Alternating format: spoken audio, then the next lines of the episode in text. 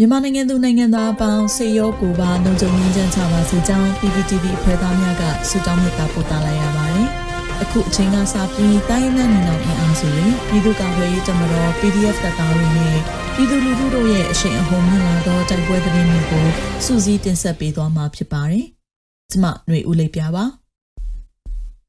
ပထမဦးစွာထဝယ်ရင်စစ်ကြောင်းနှင့်စစ်ရင်တန်းမိုင်းဆွဲတိုက်ခိုက်ခံရတဲ့သတင်းတင်ဆက်ပါမယ်။ တနင်္လာရီတိုင်းထဝယ်မြို့နယ်မဲချောင်းရွာအနီးစစ်ကား15စီးပါစစ်တပ်ရင်နှန်းကိုယနေ့ဇူလိုင်လ17ရက်နေ့ညနေ3:30မိနစ်တွင်ထဝယ်ပြည်သူ့ကာကွယ်ရေးတပ်ဖွဲ့အေဒင်မှုရဲဘော်များကမိုင်းဆွဲတိုက်ခိုက်ခဲ့ပြီးစစ်သား10ဦးခန့်သေဆုံးခဲ့ကြောင်းသိရှိရပါသည်။ အဆိုပါစစ်တပ်ရင်တန်းဟာပကာရီဘတ်မှထဝဲဘတ်တို့မောင်းနှင်လာခြင်းဖြစ်ပြီးမိုင်းဆွဲတိုက်ခိုက်မှုကြောင့်စစ်ကား၃စီးထိမှန်ခဲ့ပြီးစစ်သား10ဦးခန့်သေဆုံးကအများအပြားထိခိုက်ကြရရှိခဲ့ပြီးစစ်တပ်ဘက်မှလက်နက်ကြီးလက်နက်ငယ်များဖြင့်ပြန်လည်ရန်တမ်းပစ်ခတ်ခဲ့သောကြောင့်တော်လန်ရေးရဲဘော်များပြန်လည်ဆုတ်ခွာခဲ့ရကြောင်းသတင်းရရှိပါသည်ဆက်လက်ပြီးပလဲမြို့ပေါ်ဌာနဆိုင်ရာရုံးများတိုက်ခတ်ခံရတဲ့သတင်းတင်ဆက်ပါမယ်။စကိုင်းတိုင်းပလဲမြို့ ဌာနဆိုင်ရာစုပေါင်းရုံးကိုဇူလိုင်လ10ရက်နေ့ည6နာရီခန့်တွင်ဒေသကာကွယ်ရေးတပ်ဖွဲ့များကတာဝေးပစ်လက်နက်ကြီးများဖြင့်အချက်ရည်20ကျော်ထပ်မံပြစ်ခတ်တိုက်ခိုက်ခဲ့ကြောင်းကျသစ်နက်ပြောက်ကြားတပ်ဖွဲ့ထမှသိရှိရပါသည်။ထို့သို့တိုက်ခိုက်ပြီးနောက်ရင်းစုပေါင်းယုံအတွင်းမှာစစ်ကောင်စီတပ်ဖွဲ့ဝင်6ဦးပြေးထွက်လာပြီးထပ်မံမိုင်းဆွဲတိုက်ခိုက်ခဲ့ကြောင်းနှစ်ဦးလဲကျသွားကတေဆုံးခြင်းရှိမရှိကိုအတိမပြုနိုင်သေးကြောင်းသတင်းရရှိပါသည်။ တပဲရင်မြို့အဝင်ဂျွန်ပင်ဂိတ်ကိုပြစ်ခတ်တိုက်ခိုက်မှုစစ်သားတအုပ်သိဆုံးတဲ့သတင်းဆက်လက်တင်ဆက်ပါမယ်။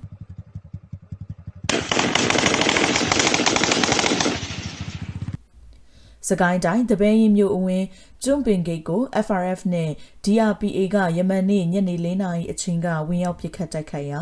စစ်ကောင်စီတပ်ဖွဲ့ဝင်တအုပ်သိဆုံးကြောင်းပြစ်ခတ်မှုကိုလှုံ့ဆော်ခဲ့သောတော်လန်ရေးရဲဘော်တအုပ်ကရန်ကုန်ခေတ်သစ်သတင်းဌာနကိုပြောဆိုပါရယ်။ ဒီပဲရင်မြို့အဝင်းကျွန်းပင်ဂိတ်တွင်စစ်တပ်ကလက်နက်အားကိုဖြင့်လူလူထံမှငွေကြေးတောင်းခံတပြတိုက်နေသဖြင့်အဆိုပါစခန်းဂိတ်ကို DRPA နှင့် FRF ကပျောက်ကြားစစ်စင်ရေးအဖြစ်ဝင်ရောက်တိုက်ခိုက်ခဲ့ရာစကားစအဖွဲ့ဝင်တအူဒဏ်ရာအပြင်းအထန်ရရှိပြီးသေဆုံးခဲ့ကြောင်းသတင်းရရှိပါသည်ဆက်လက်တင်ဆက်မှာကတော့မုံရွာချောင်းဦးလမ်းပိုင်းတွင်စစ်တပ်ကင်းပုံမိုင်းဆွဲတိုက်ခိုက်ခံရပြီး၄ဦးသေဆုံးတဲ့တဲ့မှာ စကိုင်းတိုင်းမုံရွာ6ဦးလမ်းပိုင်းတွင်ယနေ့ဇူလိုင်လ12ရက်နေ့နနက်ပိုင်းကအကြမ်းဖက်စစ်တပ်ချင်းလင်းစစ်ကြောင်းကိုလုံခြုံရေးပေးရန်ကင်းဆောင်နေသည့်စစ်သားများဖောက်ခွဲတိုက်ခိုက်ခံရပြီး၄ဦးသေဆုံးခဲ့ကြောင်း PDF South မုံရွာတပ်ဖွဲ့ထံမှသိရှိရပါသည်။မုံရွာချောင်းဦးလမ်းပိုင်းကိုခြေလင်းတက်လာမိစစ်တပ်စစ်ကြောင်းကိုစစ်ကားတစည်းဖြင့်ကင်းပုံများချကလုံခြုံရေးယူနေစဉ် People's Defense Force South Monya တပ်ဖွဲ့ကဖောက်ခွဲတိုက်ခိုက်ခဲ့ခြင်းဖြစ်ပြီးစစ်တပ်ကင်မုံများရှိသောတဲအတွင်းမှာစစ်သား3ဦးနှင့်တဲအပြစ်မှ2ဦးသေဆုံးခဲ့ကြောင်းသတင်းရရှိပါရယ်။နောက်ဆုံးအနေနဲ့အမျိုးသားညီညွတ်ရေးအစိုးရပြည်ထရေးနဲ့လူဝင်မှုကြီးကြပ်ရေးဝန်ကြီးဌာနက2022ခုဇူလိုင်လ12ရက်ရက်စွဲနဲ့ထုတ်ပြန်တဲ့ပြည်သူ့ခုခံတော်လှန်စစ်တရင်ချက်လက်တွေကိုတင်ဆက်ပေးသွားမှာပါ။ အာနာသိန်းအကြံဖက်စစ်အုပ်စု၏ပြည်သူလူထုအပေါ်အကြံဖက်ဖိနှိပ်ဖန်ဆီးတိုက်ခိုက်တပ်ဖြတ်နေမှုများကိုပြည်သူလူထုတရက်လုံးက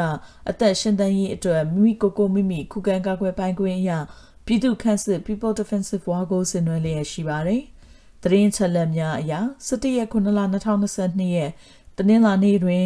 စစ်ကောင်စီတပ်ဖွဲ့ဝင်84ဦးသေဆုံးပြီးထိခိုက်ဒဏ်ရာရရှိသူ24ဦးအထိခုခံတိုက်ခိုက်နိုင်ခဲ့ပါတယ်။ စစ်အာဏာရှင်စနစ်မြန်မာမြေပေါ်မှာအပြည့်တိုင်းချုပ်ငြိမ်းရေးနဲ့ Federal Democracy တည်ဆောက်ရေးအတွက်ငြိမ်းချမ်းစွာဆန္ဒပြသည့်လူထုတပိတ်တိုက်ပွဲများကပြည်내နဲ့တိုင်းဒေသကြီးများမှာဖြစ်ပွားပေါ်ပေါက်လျက်ရှိပါတယ်။မြေပြင်မှာယခုတွေ့ရတဲ့သတင်းချက်လက်များထက်ပို၍ဖြစ်ပွားနိုင်ပါတယ်ရှင်။